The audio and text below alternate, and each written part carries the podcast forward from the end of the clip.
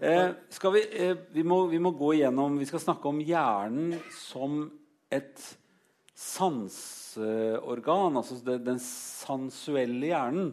For vi har i, i de, for, de forløpende eh, samtalene her snakket om sansene våre. Øyne med hørsel, med om, om lukt og smak og sånne ting. Uh, og så Alt dette samles jo i hjernen. Og hjernen har denne gammeldagse oppbygging altså vi, vi, må bare fortelle folk som ikke kan dette her.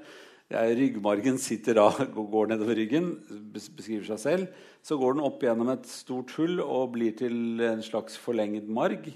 Eh, og alle de sansene som kommer inn, alle de sanseinntrykkene som kommer inn gjennom eh, den mar margen som går i ryggen, de blir da litt behandlet der og kanskje sier dette var litt mye av det der, der så vi bare skjønner hva du mener. Liksom. Og så sendes det videre oppover, den, eh, den impulsen. Og så kommer det til, eh, til, det som jeg har lyst til å kalle for gamlehjernen. Eh, du, du kaller det for den reptilhjernen. Ja.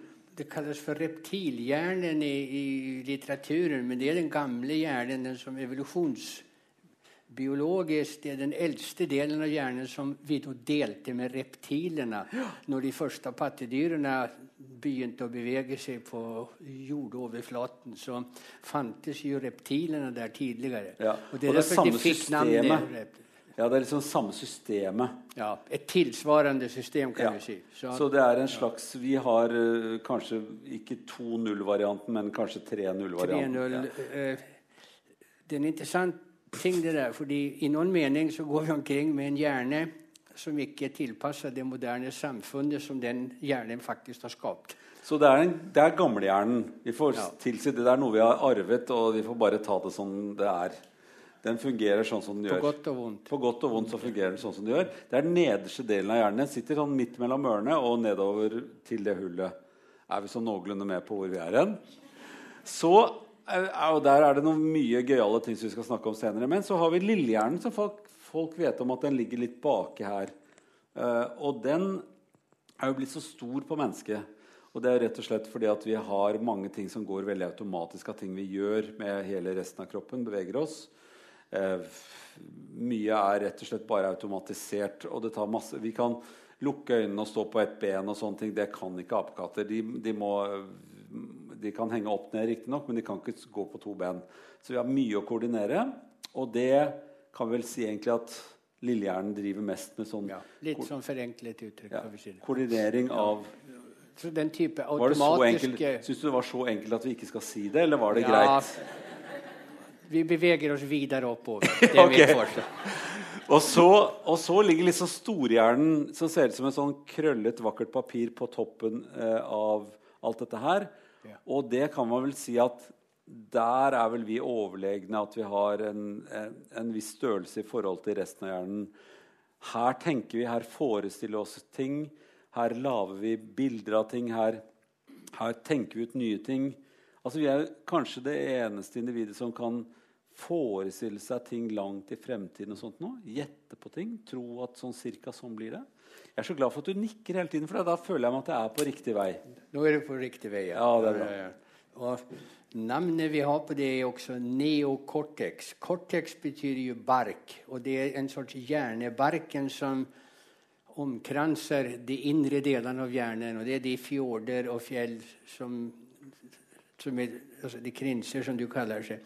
Og det, Navnet på den delen av hjernen er neocortex. Neo for ny og cortex for barken. Det er den siste delen av hjernen som utviklet seg evolusjonsmessig. Og det har da gått sammen med den menneskets utvikling. Så det er helt riktig som du sier. Det er den delen som definerer oss som mennesker i noen mening. Ok. For jeg har alltid tenkt på det Jeg jeg har gjort sånn uh, improvisasjonsgreier, og da har det kommet spørsmål fra salen. Uh, har dyr noe glede av sex?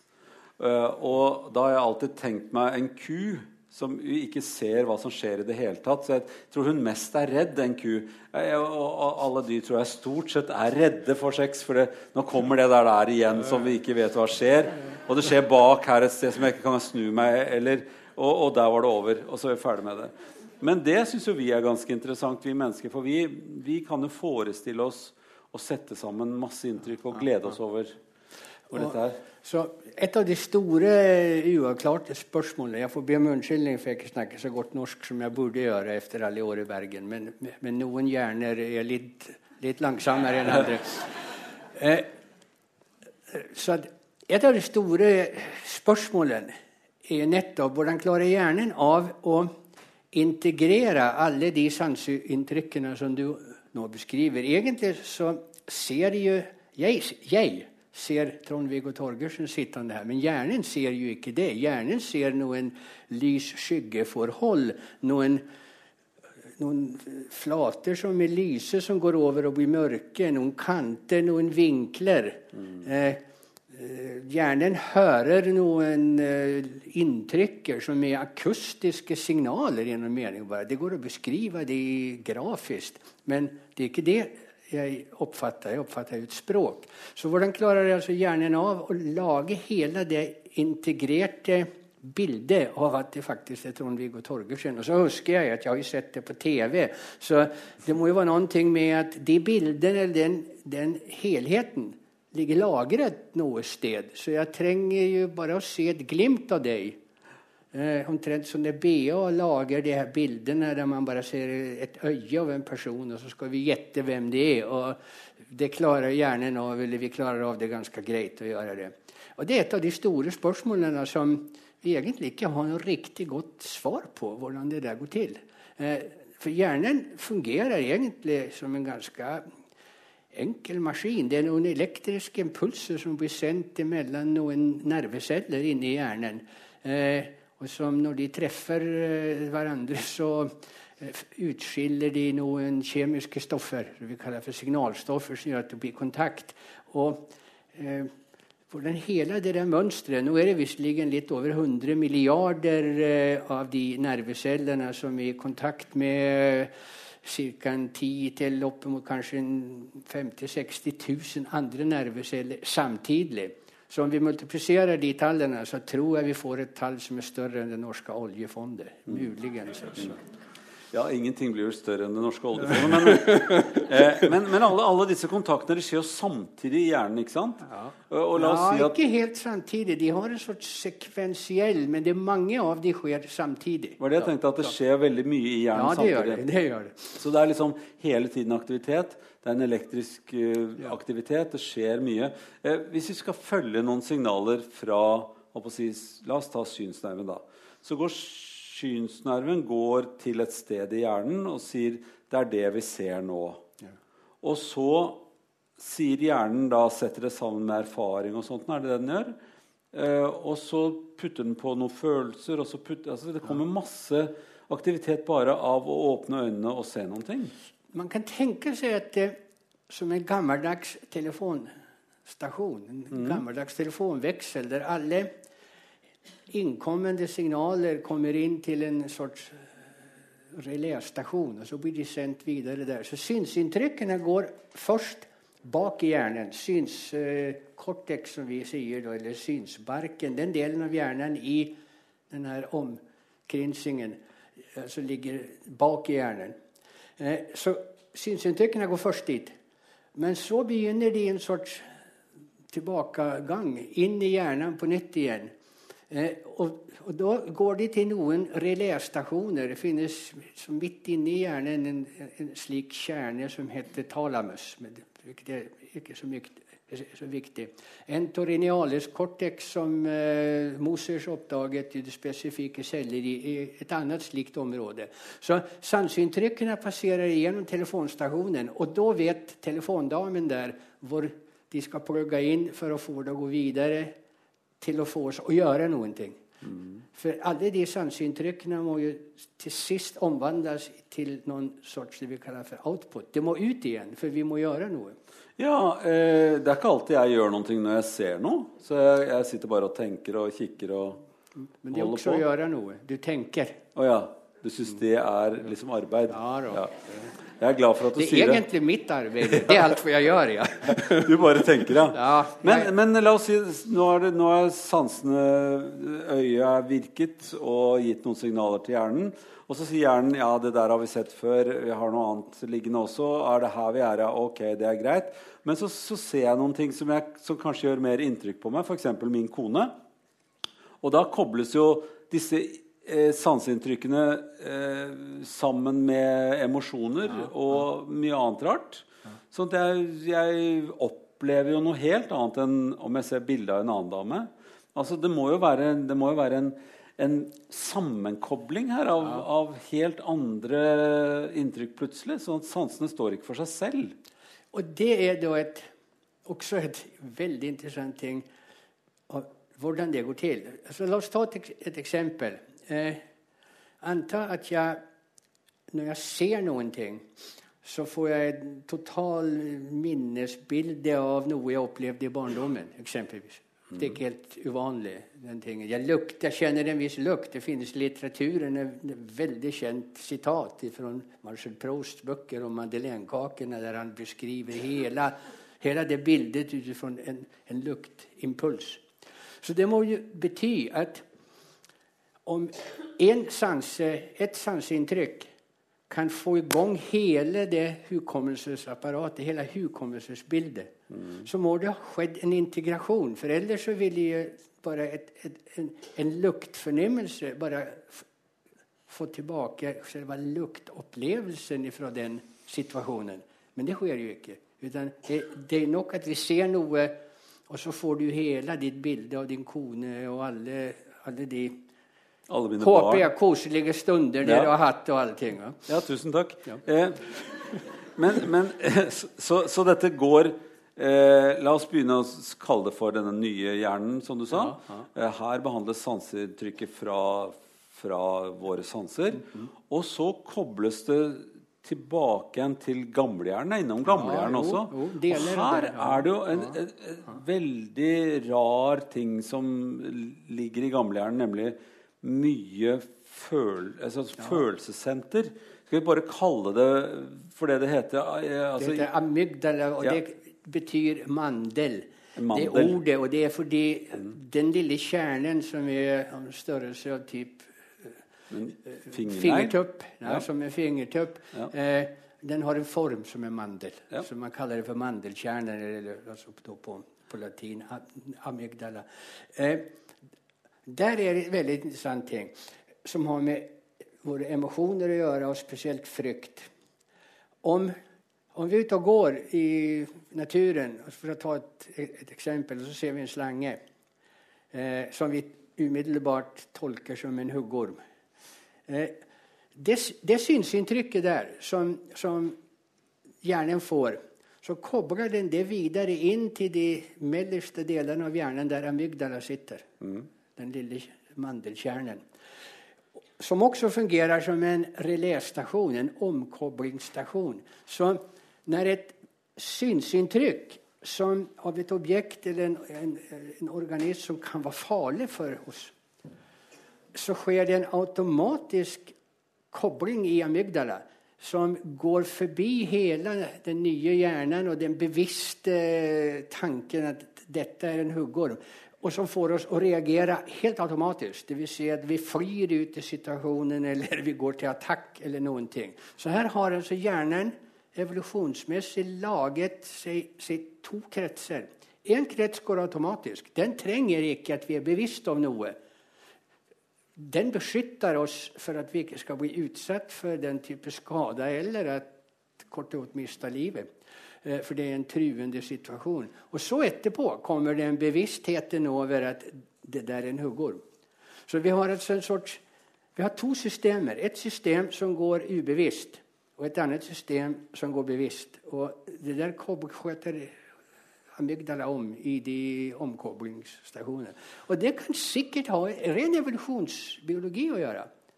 De og våre forfedre som klarte av å komme seg unna den huggormen, eller de ormene som virkelig var farlige på den tiden, de utviklet denne type dobbeltsystemer, og det har vi med oss nå. Trenger vi det? Ja, det er mulig, det.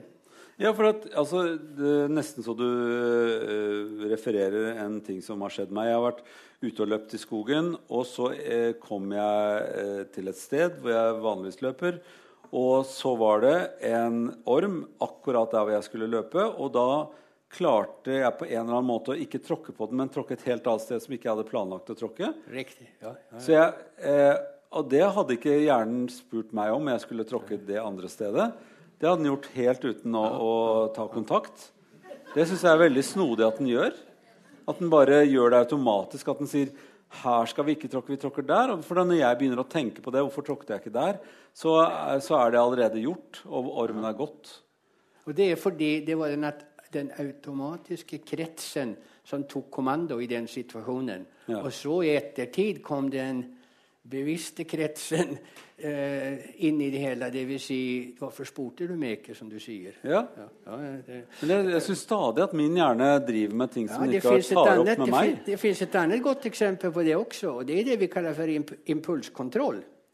Eh, og det er noe som sitter i de fremre delene i pannelappen. Det er at vi, vi har den evnen att, i alla fall ikke jeg, men, men andre har, at når de se, ser en iskrem liggende, så kan vi la være å spise den. Og mm. tenke på at om jeg ikke spiser den nå, så kanskje jeg kan spise to til på lördag. Eh, og det er også en, en der er det motsatte forholdet. Der er det at det er den bevisste hjernen som tar kontrollen over den ubevisste hjernen.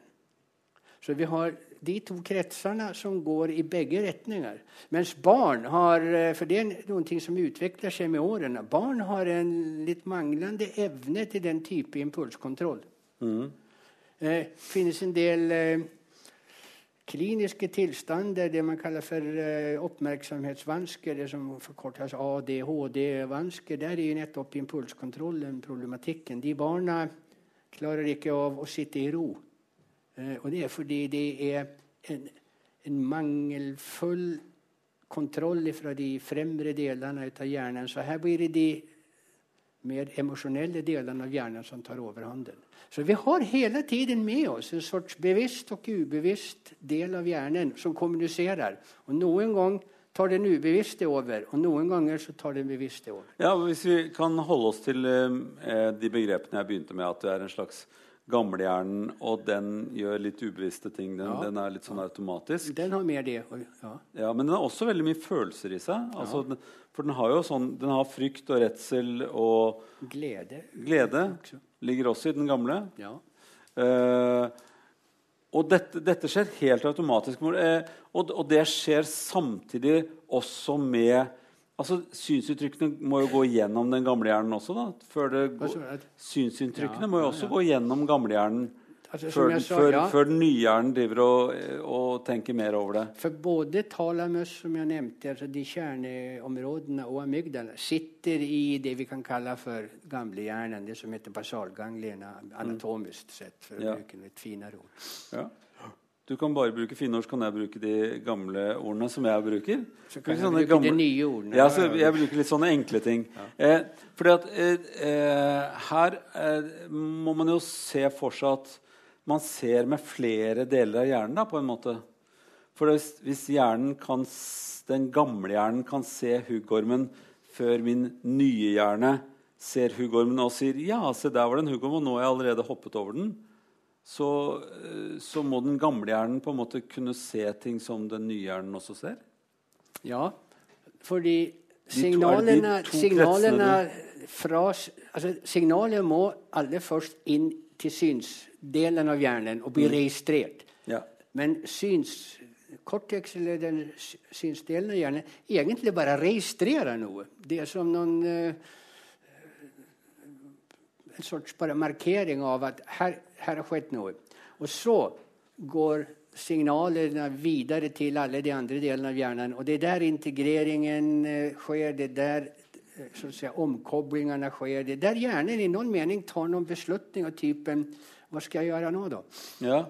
Og det som i, i noen mening driver hjernens beslutt, det er hele tiden overlevnad. Det er hele tiden å beskytte seg selv for å overleve. Altså, vi, vi er en del av et evolusjonsforløp hele tiden.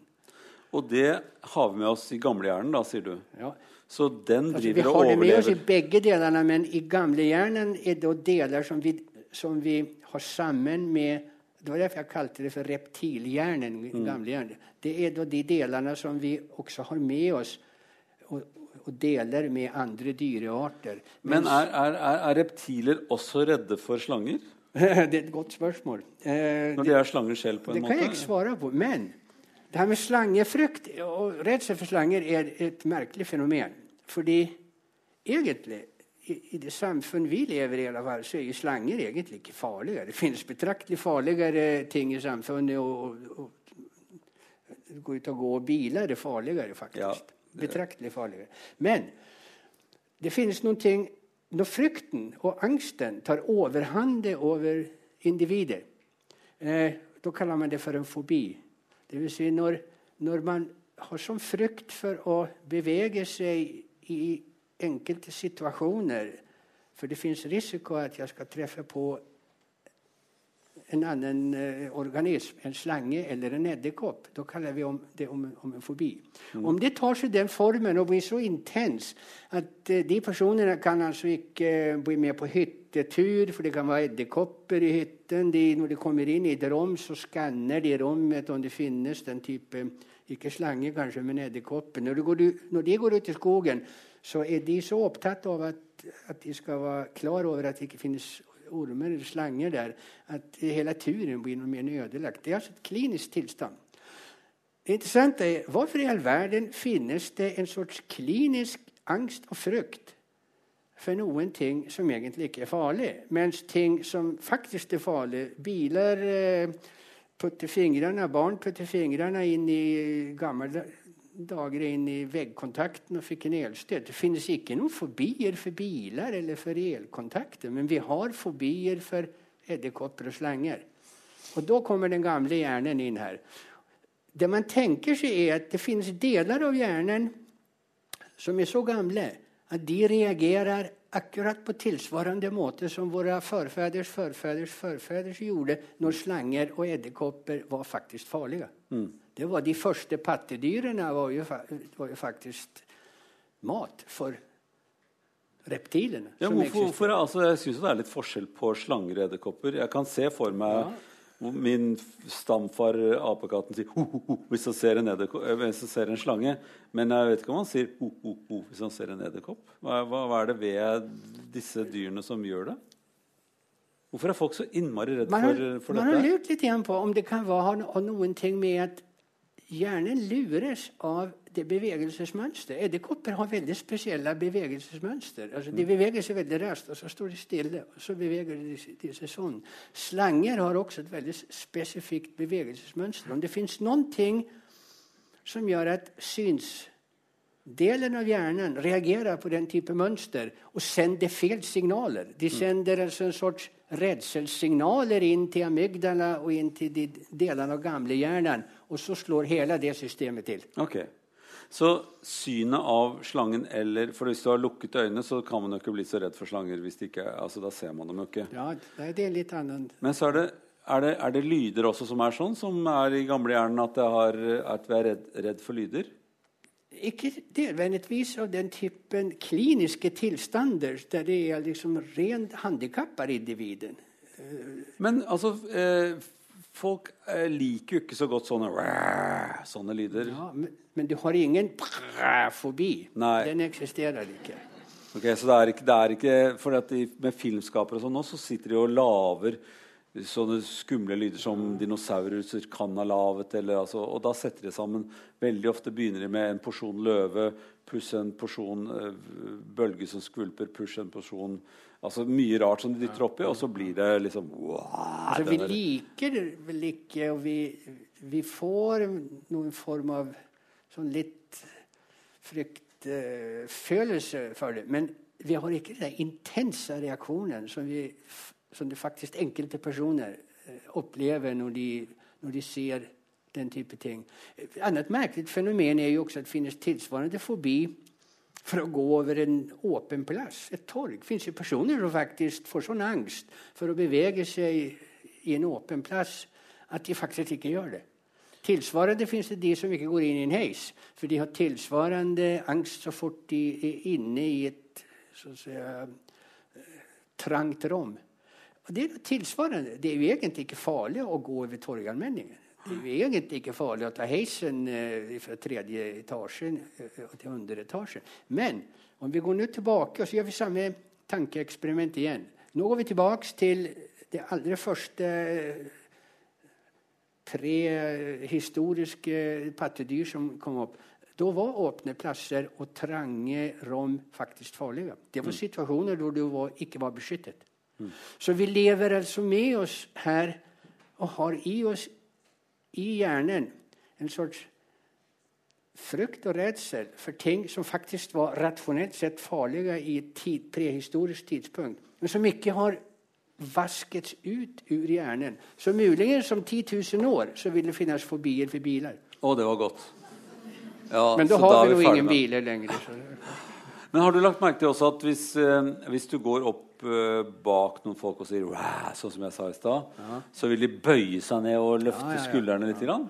Og det gjør du ikke fordi de har tenkt over nå skal jeg sannelig bøye meg ned og Nei. løfte skuldrene. Så det, det må også, være et eller annet noe vel, at lyden også utløser et eller annet automatisk. Det er også et eksempel på den her tokretsforløpene jeg snakker om. Mm. Altså, hvis hvis du går bak noen, og så gjør du det, eller om jeg gjør så der nå, ja. eh, så sier man at det utløser en, en reflexreaktion. Det kalles en starterreflex. Hadde vi kunnet målt nå, så ville dine pupiller ha gått sånn. Eh, du ville ha skjerpet hörselsansen. Eh, hjertet ville plötsligt ha förändrat slagfrekvensen. Hadde vi målt det med et EKG i, i noen sekunder. Och det er for at i, den, I det øyeblikket når jeg gjorde så her nå, eller om du går bak og så skriker du til sånn, så kryper individet i hop. Men det er ikke det eneste som skjer. Alt, det skjer opp det andre også. Helt automatisk. Og det er fordi i det øyeblikket så vet ikke du om er det her en farlig situasjon eller er det ikke en farlig situasjon. Mm. Eh, for det kan være det. For den er uventa.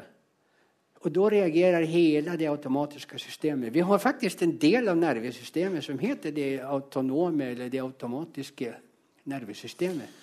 Og det, det er de som sköter om eh, forandringen av hjertet. Blodtrykket eh, ville stige litt i en sekund. Og Poenget med det er for å, å forberede deg at hvis du ville være nødt til å umiddelbart komme deg ut i denne situasjonen, så har hjertet allerede begynt litt å pumpe blod litt mer. Så vi er litt forberedt. Du er litt forberedt. Men eh, la oss ta den positive siden av dette, her, som ikke er bare frykt å komme deg av gårde og, og fly av gårde, men snarere det motsatte. Eh, at man får lyst til å bli sittende og nyte. Altså du hører musikk, eller du ser noe vakkert. Så, veldig, så kobler man det sammen til noe, noe større enn bare de inntrykkene som har kommet inn. Det er det kobles sammen og blir til noe vakkert, eller noe man liker veldig godt, eller noe man har lyst til å være nær, et sted man har lyst til å forbli. Hvor, hvor skjedde den type større sammenkoblinger til, til hvor, hvor, inntrykkene blir noe mer enn bare inntrykkene i seg selv? Det var det jeg begynte å si, at denne type integrasjon, der vi også tar med estetikk noe vi liker, eh, den type ting, er veldig vanskelig å få et, et enkelt grep over eh, hva som skjer inni hjernen når vi opplever den. Hva er det som, som gjør inni hjernen at vi opplever eh, en Mozart eh, sonat eller noen ting, eller noen av Svensktoppen eller dansebandsmusikk. Mm. Eh, eller som jeg i Menrix. Men eh, det er jo, hva er det som skjer der? Det vet vi egentlig ikke. Men vi har noen metoder nå som jeg hadde ventet at du skulle spørre meg om. Ja, men jeg, du, Nå kommer vi dit, så vi har god tid. Ja, for, at, for at nå, må, nå, må, vi koble til det ja. du, eh, det du ja. egentlig driver med da, og forsker på. Eh, som, som, handler om eh, hvordan, hvordan, hjernen Hvor du kan se rett og slett på et ja. eh, eh, sånn MR-apparatteknologi. Eh, du kan se hvor i hjernen det skjer forskjellige ting. Kan du via, altså du, Dere har oppdaget at, eh, at eh, noen mennesker som har, syns de hører stemme, f.eks., ja, som har det som sykdom, de, de hører nok antageligvis at det skjer noe i hjernen, og lave stemmer, men det kommer ikke noen lydsignaler fra ørene. Eh, sånn du, du, og det er en fantastisk oppfinnelse eh, å ha funnet ut. Men hva, hva er det dere gjør for å, for å se sånn funksjoner i forskjellige steder av hjernen? Altså det, det, som skjer, for å begynne litt igjen fra nervecellenes side. Når, når nervecellene i et gitt område i hjernen eh, plutselig begynner å sende hyppigere signaler mellom seg, som vil være nå at når, når din hjerne nå sitter og lytter til og får et hørselsinntrykk, men som oppfattes som språk Faktisk det er til og med noen som jeg snakker så rart, så vil din hjerne likevel oppfatte det som et språk. Så er det ikke hele hjernen som er lik aktiv. Det er noen nerveceller i eksempel, den bakre venstre tinninglappen som om vi hadde kunnet målt det nå, så ville de ha sendt signaler veldig frekvent og hyppig. Når nervecellene gjør det, så krever de mer energi. Det kan vi kalle De krever mer drivstoff. Mhm. enkelt greit. Drivstoff for nervecellene eh, kommer med blodet. og Det er i hovedsak glukose, altså blodsukker og oksygen. Eh, og det ekstraherer, eller konsumerer nervecellene, nevronene som det kalles. Eh, og så omvandler de det i en ganske komplisert biokjemisk prosess til energi. Okay? Ja. Eh, det vil være likt omtrent som om dere er ute og kjører bil. Og så må dere ha bilen opp en motbakke, så må man tråkke på gasspedalen, for motoren må ha mer drivstoff per tidsenhet for å kunne ta seg av den økte aktiviteten turtallet på motoren går opp. Samme logikk her. Når nervecellene blir mer aktive i et gitt område, så krever de mer oksygen. Og vi kan i en sånn MR-trommel Dere har kanskje sett en sånn, flere dere har vært inne i en sånn MR-maskin. Vi benytter den samme maskinen, men vi, vi turbokjører den, for å si det litt enkelt. Altså vi, vi setter opp maskinen på en litt annen måte enn de gjør i klinikken på Haukeland når man går dit på dagtid. Og der kan vi måle i hvilke områder i hjernen som plutselig nevronene sier 'Hei, det her er min jobb'. Eh, når vi samtidig presenterer eh, personen som ligger inne i den trommen, noen oppgaver. Det kan være en hukommelsesoppgave, de kan få lytte på noen språk, vi kan vise bilder på slanger og edderkopper. Mm. Eh, det har ingen betydning, selve det. Og så kan vi måle når vi gjør det, hvilke områder i hjernen er det plutselig som lyser opp? Vi fargelegger det der litt pent, og så kan vi se det. Eh, for de har da forandret eh, energi- eller drivstoffbruket. Eh, ja. okay. Så det vi gjør, er at vi måler drivstofforbruket, og så kalkulerer vi hvordan nevronene fungerer. Mm -hmm. Det blir omtrent som å, å, å, For å vite hvor fort hastigheten på bilen så måler vi drivstofforbruket over tid, og ved strekningen så kan vi faktisk kalkulere. Men Dette kunne du snakket om i en hel forelesning, helt sikkert. Men eh, kan jeg spole deg videre til at hva dere, hva dere, hva dere ser at hjernen driver med i forhold til de sanseinntrykkene som dere gir? Altså hvis, hvis en ser på en slange, så skjer det ja. i syns Altså, det kan Barken. vi følge med. Vi kan ja. faktisk følge med. Så du kan se hva som skjer hvor? Ja, mm. Og med litt sånn avansert teknikk kan vi faktisk av det så lager vi en video der vi kan se hvordan det begynner bak. Mm. Og så plutselig lyser det opp i, det, i den gamle hjernen, i, i de reléstasjonene, og så går det inn i den fremre delen av hjernen når bevisstheten kommer. Så bevisstheten sitter i den framre delen ja, av hjernen? ja, nå skal være forsiktig. Bevisstheten er det ingen egentlig av oss som vet hva det er for noe. Men Nei. vi kan si den type tankevirksomhet der vi reflekterer over ting, det sitter i den fremre delen. Ja, ok. Det vi kanskje vil kalle for bevisstheten. da. Ok, ja, ja, ja, Hvis du hadde vært politiker, så hadde du sikkert hatt glede av reformeringen. Men jeg, jeg, jeg syns det er like greit at det heter bevisstheten. Ja, altså. Ja, det, er Men du, du, det man tenker på ting, da du har fått et synsuttrykk, og så tenker du på det. Og det skjer i fremre delen av hjernen. Okay. Eh, er, det, er, det, sånn at eh, hvis du har en, eh, en, sykdom som du har oppdaget, altså folk som da har, har schizofrene og hører stemmer, så har dere sett at, de hører virkelig stemmen. For det, det, er det er en aktivitet i den delen av hjernen. Eh, vet dere hva som egentlig skjer når hjernen produserer stemmesignaler selv? Jeg kan jo sitte og snakke med meg selv inni hodet. Jeg snakker jo veldig mye med meg selv.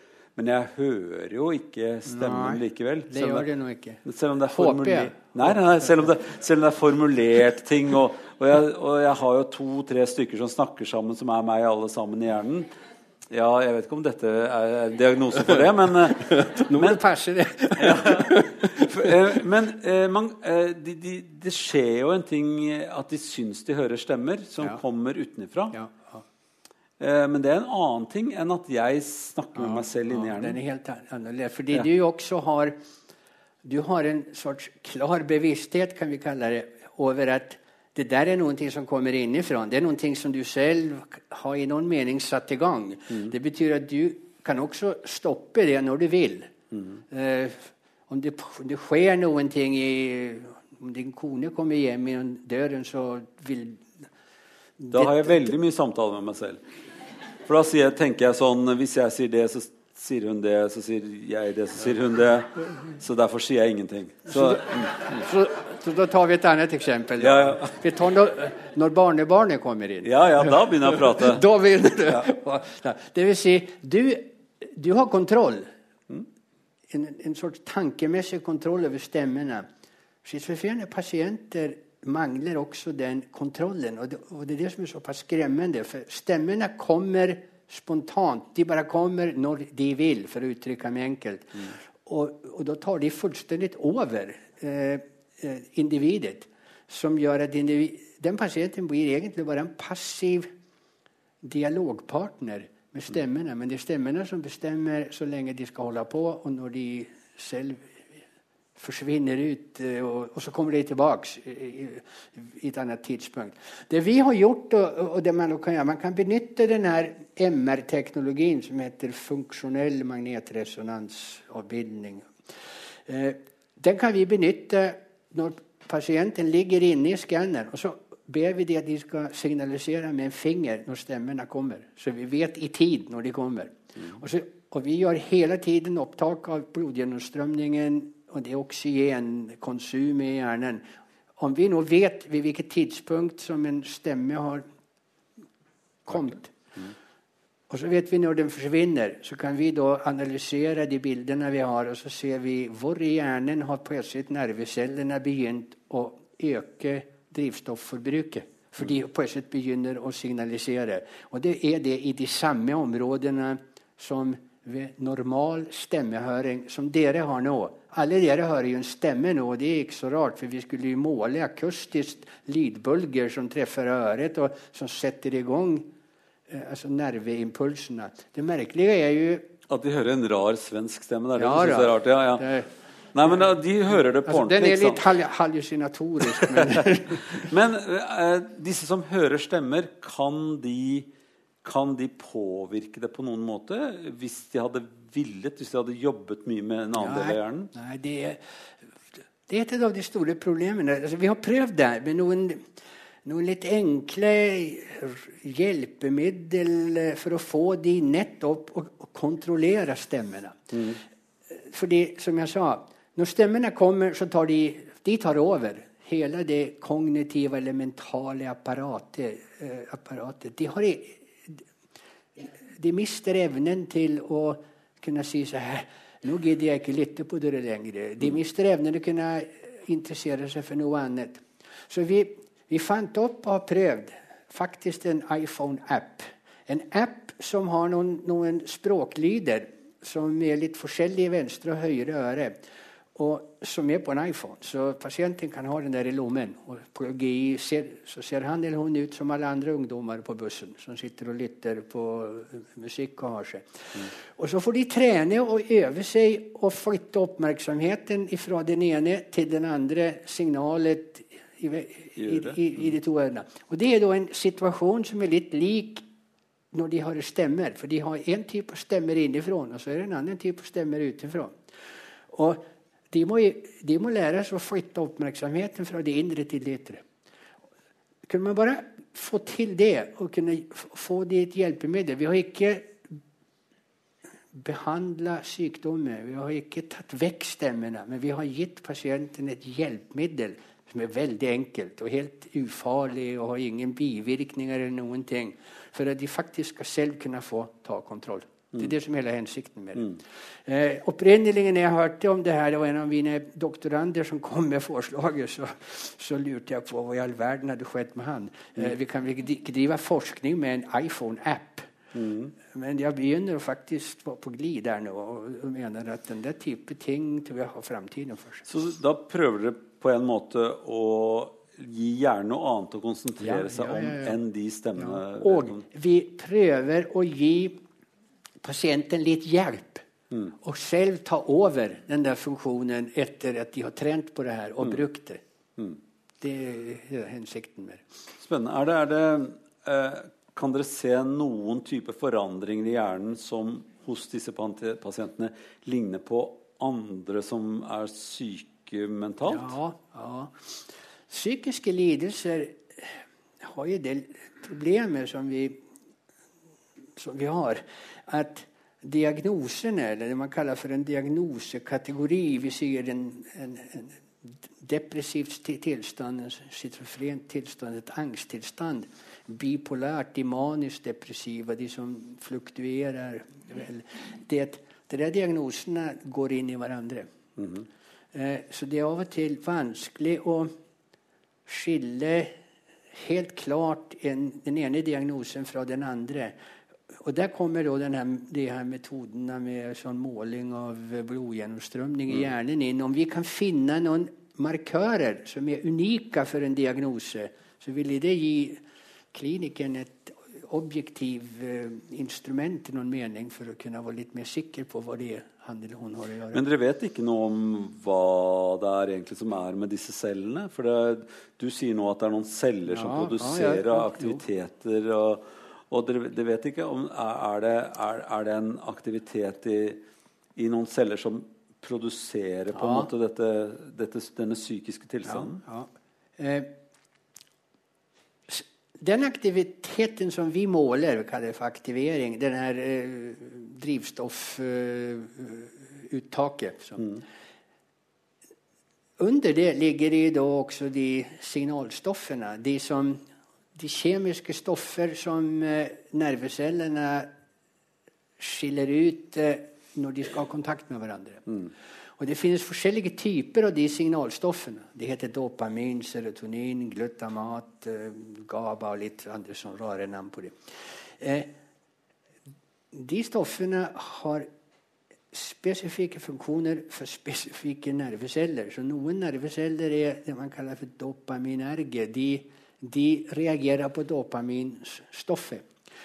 Og eksempelvis ved, ved schizofreni så er bl.a. dopamin, som også heter glutamat, er forstyrret. Det vil si at denne kontakten med signalstoffene fungerer ikke. Så det vet vi også. Så vi vet nivået under det vi måler med den MR-en. Og så lengst ned i det der ligger forstås DNA og hele vårt, vårt arvelige genetiske ting som forklarer Og så går det oppover sånn. Så vi prøver å forklare hørselshallusinasjoner enda nedifrån og hele veien opp, sånn kulturelle aspekter. Hvorfor er det sånn at eh, ulike religiøse eh, samfunn eh, så har de, de samme type diagnoser. Men innholdet i stemmene de har, er ulik i et muslimsk samfunn enn det er i eksempelvis et kristent samfunn. Eh, For det er vanlig at de også kommuniserer med Gud. Men det er ikke Javé, den, den kristne guden, men det er da andre guder. de- Som de, så, så hjernen er, også veldig mottagelig for den type inntrykk som kommer utenfra. Og så omvandler den det til noen stemmer som faktisk ikke finnes. Ok, Så eh, dette er fryktelig vanskelig, eh, til og med for meg å forstå. For at når jeg sitter og snakker med meg selv i hodet, så er det på en måte jeg som bestemmer hva jeg skal snakke Ja, med meg selv om. Um, for pasienten er det det motsatte. Det er de Ja. indre stemmene som bestemmer faktisk hva pasienten skal snakke om. ja. Og du er temmelig sikker på at det ikke, eh, ikke er religiøst? At det ikke kommer en gud og snakker inn i hodet på dem? Ja, du mener bokstavelig nå? Ja, ja, ja. ja. ja. Fordi at uh, Da må vi invitere mitt, en prest altså, til å snakke om Mitt svar på det er absolutt ja. Jeg har litt problem med å være en empirisk forsker og samtidig har noen sorts uh, forhold til noen religiøse tilstander. Så det, dette er, Du ser på det selvfølgelig som om det er et, et, en eller annen feil, uh, feil med hvordan hjernecellene snakker sammen. Og det, det, går på de stoffene som dere oppdager at her er det noe feil mellom cellene og stoffene. Eh, eh, ja, det gjør det ikke fryktelig lett for meg, dette. Men jeg, jeg, jeg, jeg kan jo også forestille meg andre måter, eh, to andre måter som, som, min hjerne fungerer på med sanser. Altså jeg kan jeg, kan, jeg har et veldig sterkt bilde av hvordan det var når jeg gikk ned i min bestefars kjeller. Og der var det litt sånn muggent. Jeg kan fremkalle den lukten. Eh, han hadde også en gammelost som sto under en klokke som han skulle ha. Han gikk jo ned der med meg, så hadde han noen stokker, så jeg måtte hjelpe han å ta opp denne osteklokken. Og så lå det noen eh, eh, epler som var fra sommeren, og de var blitt litt sånn eh, skrukkete og sånn om vinteren. Og hele det der sanseinntrykket kan jo jeg lage hvis jeg tenker nøye gjennom det. Så jeg kan produsere sanseinntrykkene av å være med min farfar nede i kjelleren. Både lukt og smak, hvordan det hørtes ut. Eh, hva gjør jeg gjerne da når jeg gjør holdt si, omvendt av det, av det sansene mine er til for? Altså, der, er det fordi dette, dette, er lagret et sted? Ja, altså der kommer hukommelsen inn. Vi har egentlig ikke snakket så mye om hukommelsen. Nei, la oss eh, prate litt om hukommelsen. Ja, ja. Eh, det vil si Jeg begynte å si noen ting om at nettopp også om det er lagret en, en kompleks sånn situasjon. For den er en hel situasjon som du beskriver nå. Det mm. lukter, det er syn, det kanskje er hørsel, det er, det er en sorts eh, romsforhold som Det er farger. Mm. ikke mer. Mm, alt i opp det der ligger jo ikke lagret som enkelte farger, sans, eh, lukteinntrykk, hørsel, syn. Det ligger lagret som en sorts helhet. Mm. Og så kan du ta frem hele den helheten innifra. Mm. Det, er det du beskriver. Men du kan jo også få den, den samme opplevelsen om du kjenner en lukt, eller du ser noen ting som ligner hvordan det så ut i din bestefars kjeller. Og den lukten vil kunne da utløse hele det komplekset. Så hjernen har tydeligvis i hukommelsen her at vi kan gjenskape noe bevisst. Men noe kan også gjenskapes det er tilbake, automatisk om det kommer ett sanseinntrykk. Mm. Og det er det interessante. Hvorfor gjenskaper ikke og tar fram den lukten som du føler? Hva var det du sa? Muggenost? Ja, litt muggenost, ja. ja. Hvorfor i all verden får den deg ikke bare da å huske lukten? Mm. For det skjer jo ikke. Lukten utenfra får deg å få fram hele den tingen. Så vi er hele tiden tilbake til det store filosofiske spørsmålet hvordan i all verden klarer hjernen av å integrere alle disse sanseinntrykk som går døgnet om, mm. til noen sorts helheter. Og så klarer den av å legge inn det i hukommelsen som det er litt uklart. Den legger jo ikke inn bildene i hukommelsen. Den harddisken vil jo bli litt Om man er i vår alder, så vil jo den harddisken bli litt overbelasta. Okay. Så det må jo være at det ligger noen sorts informasjon som Når det trigges, så settes det sammen igjen. Og, okay. så, og så legges det ned i en du snakker om at det fins arkivarer her altså, som ja, går og henter inntrykk? Ja, er i noen forstand. Okay. Eh, så mange celler har kontakt med hverandre, og så kommer, kommer, jeg og skal ha alle disse inntrykkene frem, og da får den beskjed ut til forskjellige arkiver. Kan du stikke bort der og hente den der mugglukten? Kan du stikke bort der og hente det synsuttrykket av bestefar som går ned i kjelleren? Så det, det, er en arkivar som sitter og holder på all informasjon. Og så fins det en som legger inn det også. Okay. okay. Så, så, så, det man snakker om, er jo eh, innlagring og ta fram noe. Det er to forskjellige komponenter. Det er to sider av hukommelsesmyntet. Okay. Og hukommelsestap kan da være problem med innlagringen, men ikke nødvendigvis å ta fram det som fins der. Eller så kan det være at det ikke er problem med innlagringen, men det betyr ingenting, for personen klarer ikke å, å ta fram det igjen. Ok.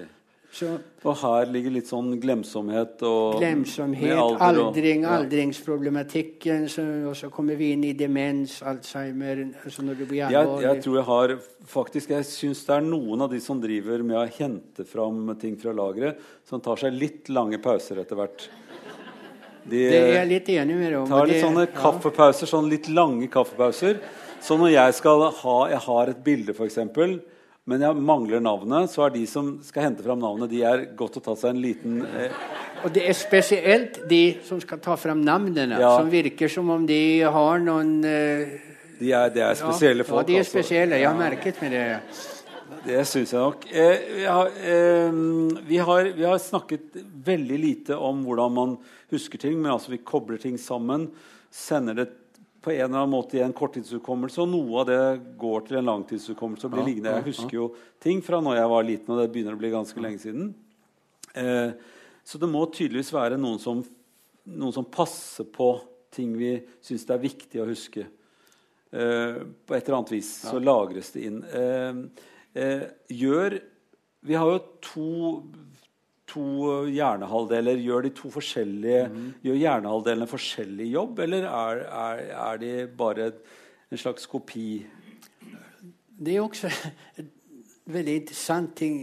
Hvorfor i all verden er det slik at vi, vi har jo egentlig Om vi skulle ha sett på hjernen, vi har hatt et bilde på hjernen her nå, skulle vi sett at hjernen er jo faktisk delt i to. Den venstre og den høyre hjernehalvdel, eller hemisfær, som man kaller det. Så hadde vi sett på min hjerne gjennom kraniet, så kunne man se at den deler seg bokstavelig talt langs en midtlinje sånn, så man kan, man kan ta især den sånn, og så sitter den i hop i den gamle hjernen i midten med, en, i, med noen nervefibrer som går igjen. Så Og det har jeg lagt merke til at der har altså kvinnene har mye flere sånne koblinger enn det menn har. det, Det er dessverre sant. det er ting Det som det tyder på det, Ja. dessverre. Oh, ja. okay.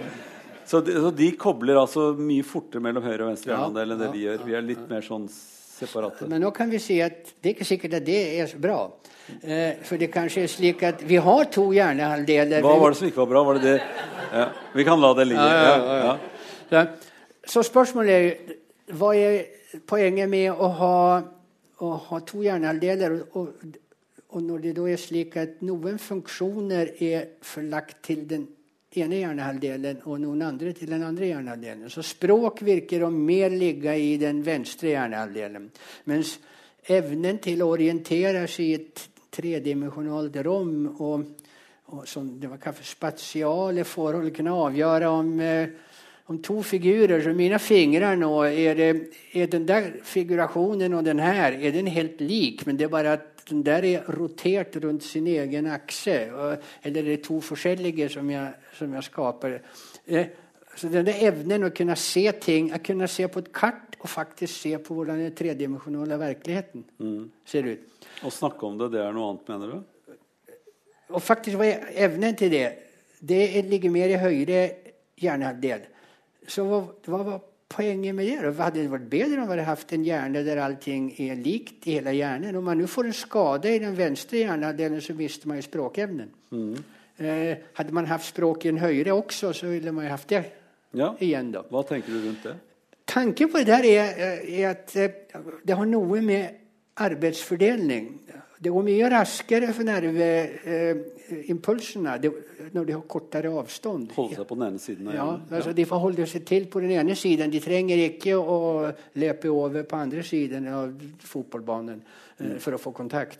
Eh, så finnes det en, en, del andre sånn teorier og modeller. Vi kan hoppe over det. Så. Men, men man tenker seg at det her har også noe evolusjonsbiologisk ting.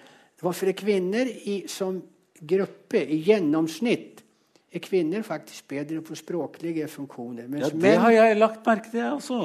mens menn faktisk som gruppe, husk nå, som gjennomsnitt i en gruppe, ikke en enkeltindivid nødvendigvis, så er menn Menn finner bilen i det store parkeringsdekket litt fortere enn hva kvinner i fri. Men jeg gjør det ikke. Men det er en annen ting.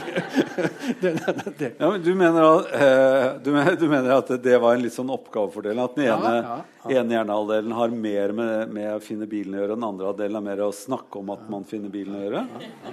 Om du nå tar det, og det er, er da forskjellig for menn og kvinner, og det var også nær, en arbeidsfordeling muligens mellom menn og kvinner i stenalderen tidligere. Ikke finne bilen. Ikke biler, Nei. men å finne bytte ute på savannen.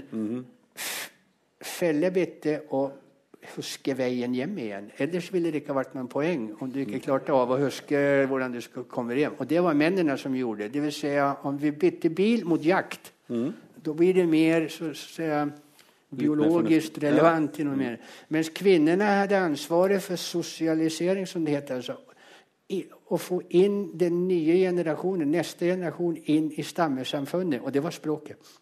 Språket var limet som så å si, gjorde at vi kunne utvikle Mens å få hjem hjorten, det var føden som fikk hjernen å, å utvikle seg. Så der har vi kanskje en arbeidsfordeling som la seg ned i de to hjernehalvdelene. Og så gikk det videre. De som hadde de funksjonene i hjernehalvdelene, over, økte overlevnadsverdien sin. De fikk sine gener videre, og så går det. Ja.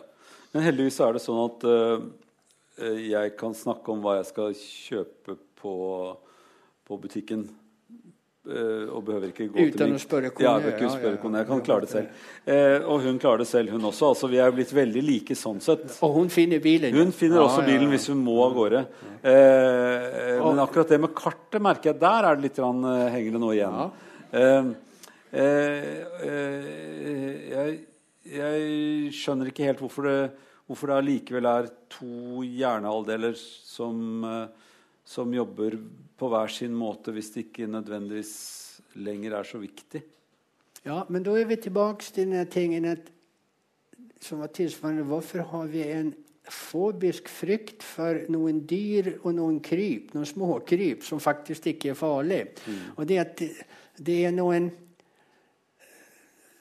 altså, Hjernens utvikling slipper etter med, med tidsutviklingen som har kanskje noen rent filosofiske ting. Det er, det er hjernen selv som skaper det samfunn vi lever i. Hjernen skaper det samfunnet Ja, vi lever i. det er ikke Gud som gjør det, det er mennesker som gjør det. Og mennesker består av det, det er våre hjerner som gjør det. Eh, men samtidig så har vi noen deler i den hjernen som er den, de gamle delene som faktisk er et lik som de, det vi hadde for tusentalls år siden. Eh, så det, det er også en sorts kompleksitet i, i den type utvikling. Men uh, her er det jo veldig mye forskjell på individer. og veldig mye Ja. altså, Folk har jo noen som er veldig gode til å snakke, og noen som er veldig gode til å finne ting på kartet, uh, som er av helt annet kjønn enn det man skulle gjette på. Eh, det kan være veldig mange menn som er veldig veldig flinke til å snakke veldig lenge. Vi for eksempel, nå har jobbet ganske mye med den delen av hjernen. ved å Og, prate. og noen av oss finner da ikke bilen, men min kone er god på det. faktisk. Ja, se der har du det. Eh, vi, vi må vel kanskje, eh, når vi først eh, er, eh, er klar over at vi har fått eh, nobelpris, si hvor, hvor i hjernen er det disse sitter, de cellene som de, eh, Moser har funnet ut. Ja, riktig. De, de, de såkalte gridcellene som, eh, som er noen, noen celler som eh, signaliserer eh, hvor vi beveger oss i, i rommet. En sorts stedsans. En sorts egen stans. Både hvilken fart vi har, og hvor vi er hen. Ja, og de, de kalkulerer hele tiden den eh, orienteringen som vi gjør. De sitter i en del av hjernen som er bak noe som heter hippocampus, som betyr sjøhesten. Men nå er vi i gamlehjernen fremdeles. Ja, vi er i, vi er overgangen mellom gamlehjernen til den nye hjernen. Og der sitter eh, langtidshukommelsen også. Og det Moses har oppdaget, er jo at det virker som om Rottehjernen da, som de undersøker, har også en sorts lagringskapasitet. så den, den, den husker hvor dyret har beveget seg tidligere. Og så signaliserer den at her var belønningen. Så husk nå hvordan du skal bevege deg. Og det er det noen spesifikke celler som faktisk forteller dyret det skal gjøre. Og det sitter i en del av hjernen som heter entorinialis eh, cortex, og som er litt bak den her hukommelsessjøhesten. Men jeg består eksamen selv om jeg kaller det for en del av gamlehjernen? Eller? Ja, det, okay. ja, jeg skulle vilja kalle at entorinialis er i nettopp i overgangen mellom gamlehjernen og den nye hjernen. Ja, så jeg bare sklir så vidt over Ja. eh, eksamen. Eh, ok. Men eh, vi, vi er nå, dette er noe som, som er helt basalt for, for individer, at de vet hvor de er omtrent, ja. og at de vet hvor de har vært. Og det er mulig at det er like basalt det som at vi ser, hører, lukter ting. Men vi har aldri egentlig tenkt på at stedsansen er kanskje det som er den syvende sansen. Ikke eh, the gut feeling, som vi litt feilaktig kaller For her, er det, Når vi har snakket sånn om sansing og minner, så vet jo vi også samtidig Jeg vet jo at denne opplevelsen i kjelleren til bestefaren min det er forbundet med en tid som er lenge siden. Min bestefar lever ikke lenger. Jeg har allikevel både tid og sted og fart holdt jeg på å si, når det var, og hvor det var. Og det er husket. Så det ligger i arkivet på en spesifikk tid Ja. i mitt liv. Eh, det betyr jo også at eh, mye av vår husking også er koblet til, til denne type basale funksjoner ved det Å, ja. å være oh, ja. menneske. Og det var det jeg mente med at våre minner og det å huske tar ikke bare inn sanseinntrykkene. Det, det fargelegger det emosjonelt også. Det vil si at I minnet ligger også informasjonen om var det her farlig, var det gledelig, var det noen ting eh, sanselig, etc. Så den integrasjonen skjer ikke bare til sanseinntrykkene, som vi har sagt, men det er også den om jeg kan bruke det uttrykket emosjonell fargelegging. Eh, der ting blir intense eller mindre intense. Kan jeg hoppe derfra til folk som har bra og dårlige opplevelser i sin barndom? Går det an med folk som har For jeg har vært borti barneombudstiden min eh, folk som har hatt veldig veldig dårlige opplevelser med barndommen sin. Hvilket jeg ikke har. Jeg har veldig mye, veldig mye positivt med, i, med barndomsopplevelsene sine, mine, som de fleste har. Går det an, tror du, å bearbeide sånne minner, altså uansett hva det er, når de er negative, eh, og har vært arkivert i en tid for lenge siden, går det, går det an å hente dem fram igjen, bearbeide det og få de til å bli litt bedre? Ja. Det er to tilnærminger til den problematikken. og den er, Det er vesentlig. For den type traumatiske opplevelser som barn har, farger jo ofte hele livet etterpå. Og i dagens samfunn med alle de kriger og vold som skjer, så er det der en ikke triviell sak. Det du beskriver, det er en mer skal vi kalle det, terapeutisk tilnærming med psykoterapi. Der man prøver å ta fram den type minnen, prøver å, å få individet å bearbeide det og få en mindre intens emosjonell fargelegging av det. Og så legge det tilbake. Okay. Og det er en langsom prosess, eh, eh, men, men den er, det virker jo til en del, for det er en del av psykoterapi. Så fins det noen moderne dyreforskning på rotter også, men, eh, som er fryktelig spennende om det skulle holde mål. Der man faktisk har, har prøvd og har hatt framgang med å viske ut de traumatiske minnene. Ikke ta det frem, bearbeide og legge det tilbake og krysse fingrene og håpe at det nå skal fungere. Man prøver faktisk å viske ut det. Eh, og det har man, har man brukt på dyr med spesielle å reversere læringsprosesser. Det kalles for ekstinksjon, der man slår ut det. Og der man har klart Og da har man, har man også brukt den type og påvirket sin, sin, noen signalstoffer som jeg har snakket om, og ikke andre. Eh, man har prøvd å blokkere. Og det man mener at man har, har påvist, det er at det går å viske ut selektivt. Problemet har jo vært om du, om du slår ut hukommelsen, så slår du ut alltihop. Og det går jo ikke. Eh, men det fins forskning som tyder på at det skal være mulig å gå på bare negative traumatiske hukommelser. Mm. Men, men, for man kan jo og dette har vi snakket lite om, men altså man kan jo lære seg at selv om gamlehjernen tenker dette er farlig, så går det an å lære seg at det er ikke farlig, og ende opp med en sånn opplevelse. For man kan jo ha blitt bitt av en hund eller hatt en veldig traumatisk opplevelse med en hund. Ja. Og så kan man jo øve seg på at det er ikke alle hunder som er farlige. Og noen hunder kan man til og med bli veldig glad i, og så kan man bli ikke redd for hunder.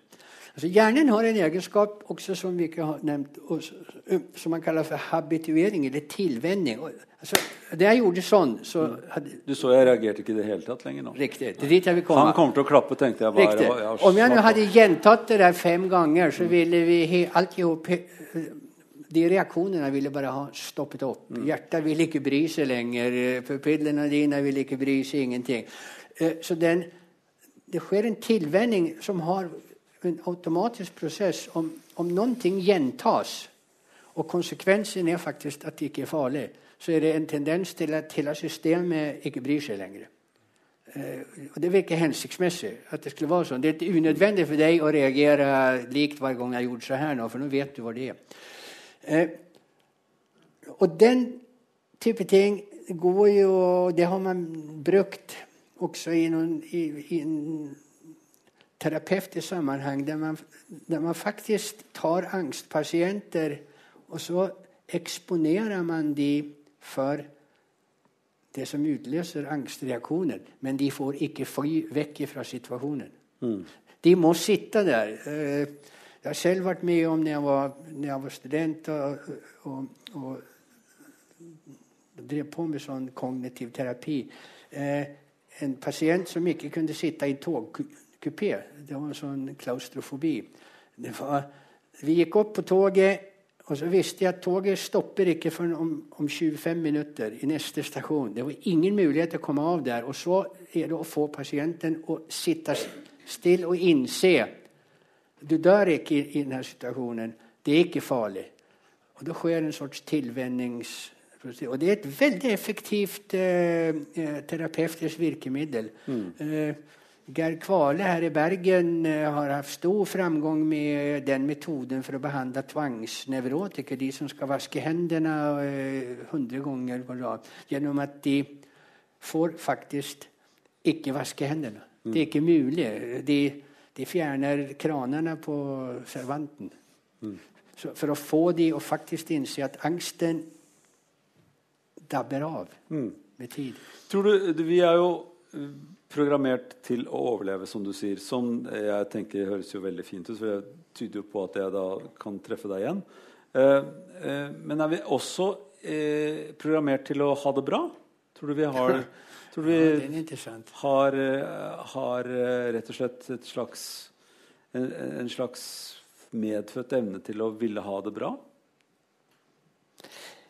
Ja, i noen mening tror jeg det. Men, jeg, men altså, nå er jeg ute utenfor mitt vanlige område. Så deilig. Men, men jeg tror eh, at det finnes den type programmering i, så at våre positive emosjoner er jo egentlig like viktige for overlevnaden som korrekt reaksjon mot de negative.